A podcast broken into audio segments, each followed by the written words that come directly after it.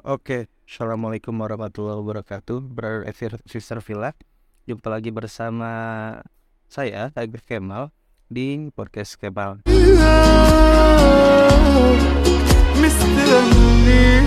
Kali ini kita bakal ngebahas Sebetulnya sudah topik itu tuh sudah saya bahas di podcast saya ya. Namun ya biar lebih afdol ataupun mungkin lebih enak ya kita bahas lagi di platform yang yang lain ya itu di Spotify ataupun ya makanya saya jadikan konten ini ya itu yaitu berkaitan dengan uh, artis ataupun konten kreator yang berfatwa tentang agama namun tidak memiliki kapabilitas ataupun uh, dalam beragama. Nah, teman-teman rahimani wa sebetulnya yang namanya Islam ini kalau kita ngebahas masalah Islam ya sebetulnya Islam sudah jelas yang namanya Islam adalah agama yang rahmatan lil alamin. Nah, karena kenapa? Karena kehadiran Islam itu sudah menjawab semua permasalahan dan keresahan yang terjadi di dalam umat ya.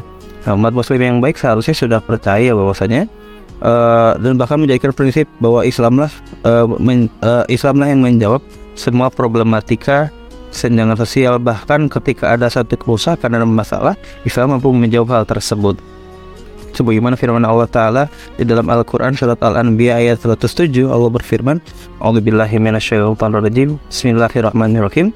Wa ma arsalnaka illa rahmatan lil alamin. Dan tiadalah kami mengutus kamu wahai Muhammad sallallahu alaihi wasallam melainkan kamu untuk menjadi rahmat bagi semesta alam.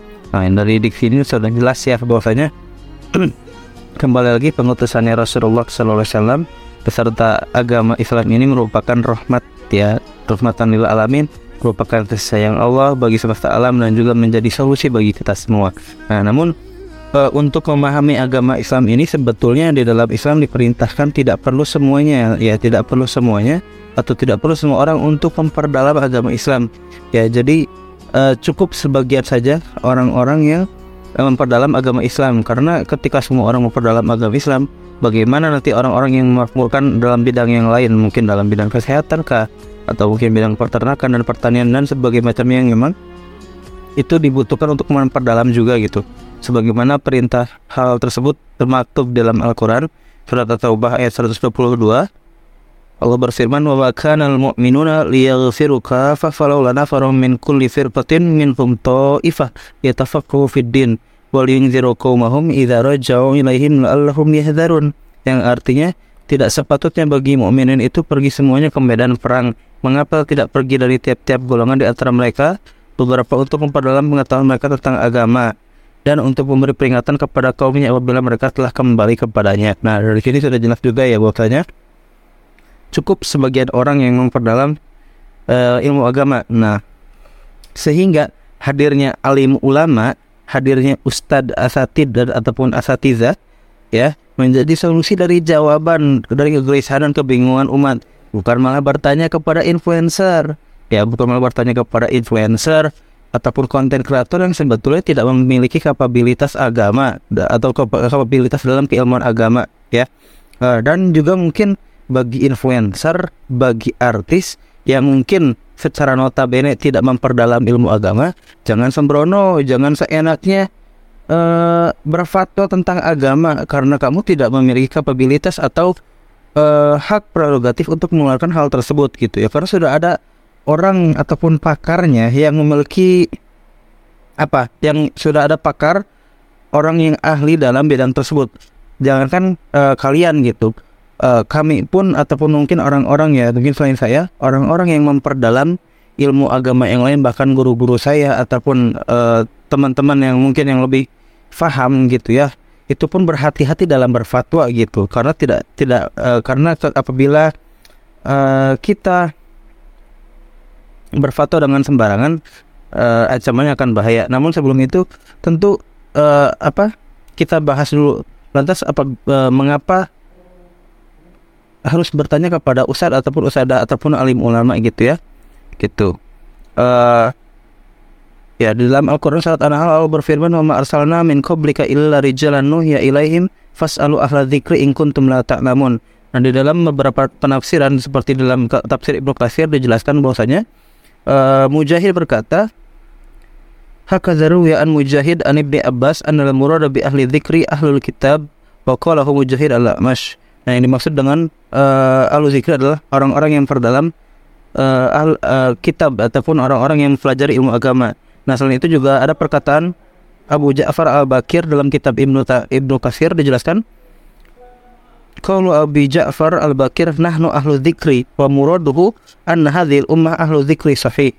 Nah, dijelaskan bahwasanya Abu Ja'far Abu Ja'far Al-Bakir mengklaim ya bahwa beliau pun termasuk ahlu zikri ya karena beliau eh, salah satu ulama pada zaman dahulu ya salafus salih termasuk mungkin tabiin ataupun tabi'ut tabiin yang memperdalam ilmu agama dan juga apa ya dimaksud bahwasanya ahlu pada umat ini tuh ada nah di sudah jelas bahwasanya uh, orang-orang yang uh, apa yang namanya alim ulama yang namanya alim ulama asatid asatidah yang memang mungkin benar-benar memperdalam ilmu agama mereka bolehlah ataupun mereka bisa memberikan fatwa ataupun memberikan penjelasan tentang ilmu agama. Karena kenapa? Karena mereka pun di dalam beberapa hadis yang lain yang lain dijelaskan bahwasanya al ulama warasatul anbiya. Bahwasanya ulama itu pewaris nabi ya. Bahwasanya ulama pewaris nabi. Sehingga dari sini sudah jelas bahwasanya uh, klaim dari Abu Ja'far al-Bakir di dalam kitab tafsir Ibnu Katsir yang dikutip dari Ibnu Katsir sendiri ataupun misalnya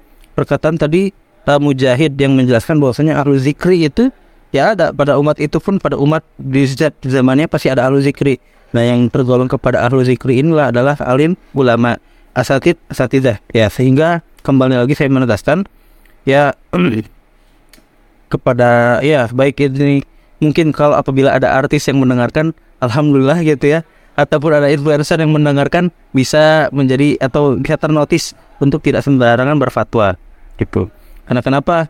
Karena di dalam ada hadis yang ancaman yang yang yang mengancam bagi orang-orang yang berfatwa tentang agama tapi tidak memiliki kapabilitas tersendiri ya. Yaitu apa? Yang dilihatkan dari Abu Hurairah ya. Rasulullah sallallahu alaihi wasallam bersabda, "Man kadzdzaba alayya muta'ammidan falyatabawa maq'adahu minan nar" atau falyatabawa maq'adahu minan nar. Muttafaqun alaih. Barang siapa yang berdusta atas namaku, maka siapkan tempat duduknya di api neraka muttafaqun alaih yang diriwayatkan oleh Bukhari dan Muslim ya hati-hati ini barang siapa yang berdusta atas nama Rasulullah SAW ini Rasulullah bersabda sendiri ya maka siapkan tempat duduknya di api neraka selain itu juga ada hadis lain yang mengancam bagi orang-orang yang berfatwa tentang agama tapi ia tidak memiliki kapabilitas tadi ya. Dari Abu Hurairah radhiyallahu anhu Rasulullah bersabda man da'a ila huda kana lahu minal ajri mislu ujri man tabi'ahu. Layan kusum layan khusus zalika min uh, ujurihim syai'a. Waman ka waman da'a ila dolalatin kana alaihi minal ismi mislu asami man tabi'ahu layan kusu min asamihim syai'a rawah muslim yang artinya barang siapa yang mengajak kepada kebaikan maka ia akan mendapatkan pahala sebanyak-banyaknya pahala yang diperoleh tanpa mengurangi pahala orang-orang yang mengikutinya tersebut. Nah, namun barang siapa yang berfatwa atau menjelaskan kesesatan, mengajak kepada kesesatan, maka ia akan mendapatkan dosa seperti orang-orang yang mengikutinya dan tidak mengurangi dosa orang-orang yang eh, mengamalkan dosa tersebut. Nauzubillah min dalik. Nah, apa kita masih mau berfatwa ya? Apa kita masih mau uh, melewati atau kita masih mau lancang uh, melewati apa ya? Melewati kesempatan, melewati guru-guru kita melewati ustadz-ustadz kita yang memang pakar dan memiliki kemampuan lebih mendalam daripada kita gitu ya. Sehingga kembali lagi saya menegaskan kepada kita semua untuk lebih berhati-hati untuk lebih memilih dan memilah kata-kata yang baik dalam berfatwa ataupun ini. Jangan sampai apa yang kita ucapkan ya itu malah mengajak kita atau mengajak orang-orang kepada kesesatan karena apa tadi ancamannya? Famanda ila dolalah istin islu asami man tabi'ahu. Barang siapa yang mengajak kepada kesesatan maka ia akan mendapatkan dosa seperti orang yang mengamalkannya. Gitu ya. Dan juga mungkin ini juga ada peringatan bagi masyarakat agar tidak memilih fatwa yang mungkin melenceng ya. Contoh misalnya uh, berkaitan dengan uh, hukum sesuatu ya, uh, hukum sesuatu yang memang uh, itu ada terjadi perbedaan istilah. Nah, meskipun dalam aspek fikih ya, Nah, ketika sudah banyak mayoritas ulama yang memakruhkan atau mengharamkan, maka seyogianya kita mengikuti ulama pakar tersebut.